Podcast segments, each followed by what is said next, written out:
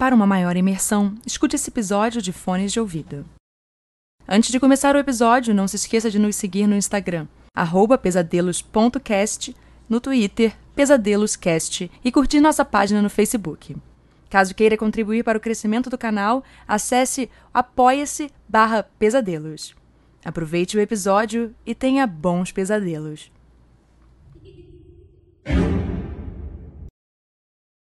Este episódio é baseado em um RPG de mesa chamado Mago A Ascensão, em um cenário criado para jogar em São Paulo.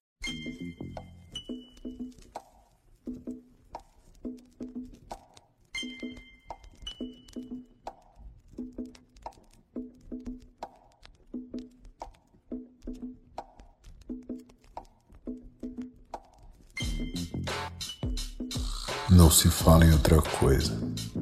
Sobre o grafite que virou cinza, o limite de velocidade das marginais, as filas dos hospitais, o futuro do sem-teto, o kit Unilever, a favor ou contra, é só no que se fala nas redes sociais, que são formadas predominantemente por paulistanos.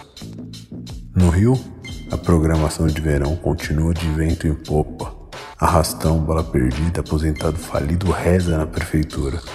Mas o que a gente tem curtido discutir mesmo é se grafite é arte. Enquanto isso, morre mais uma criança atingida por bala perdida, a 18 em dois anos. A gente se acostuma com bala perdida. Bala perdida no dos outros é refresco. Bala perdida do outro lado do morro é default. Desse lado do morro, onde o Rio é a cidade mais linda do mundo, a gente discute se grafite é arte, se a ciclovia da marginal pode ser mais rápida, se precisa de mais ciclovia. Ciclovia de São Paulo, que fique claro, a ciclovia mais bonita do mundo. Aquela do legado da Olimpíada, continua fechada, desconstruída. Saldo: dois mortos. Ninguém mais fala disso. Aqui a gente discute o que faz com os mendigos, com os mendigos de São Paulo? Só pode ser fuga da realidade, negação do caos, desesperança. E eu digo uma coisa: tenho inveja do paulistano, porque São Paulo tá cheio de problemas ruins, mas vários outros bons para resolver. Tenho inveja do paulistano nascido e do paulistano criado, porque todo mundo que vai morar em São Paulo torna-se filho daquela cidade. Todo mundo que mora lá bebe litros daquele caldeirão multicultural.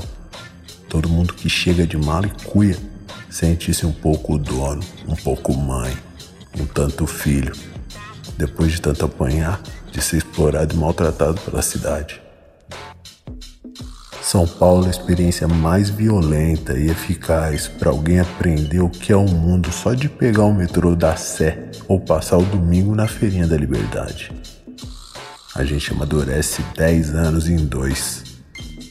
A cidade te atropela, te mastiga e engole. A gente fica sem ar e nem é da poluição.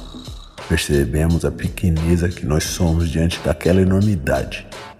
Daí vem alguém que te abraça, te chama para ir para casa do amigo de um amigo, que te recebe como se te conhecesse desde a infância e em cinco minutos vocês se tornam amigos para sempre de verdade são amigos que se matam porque um quer a cidade mais colorida e outro mais cinza. Mas esse já é outro problema. O que importa é que São Paulo você vai receber uma mensagem com o endereço e horário da festa e nunca mais se sentirá sozinho no meio da multidão.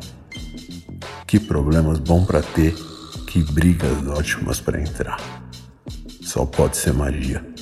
São Paulo, meu amigo, é cidade de mago, porque só com magia para aguentar a pancada.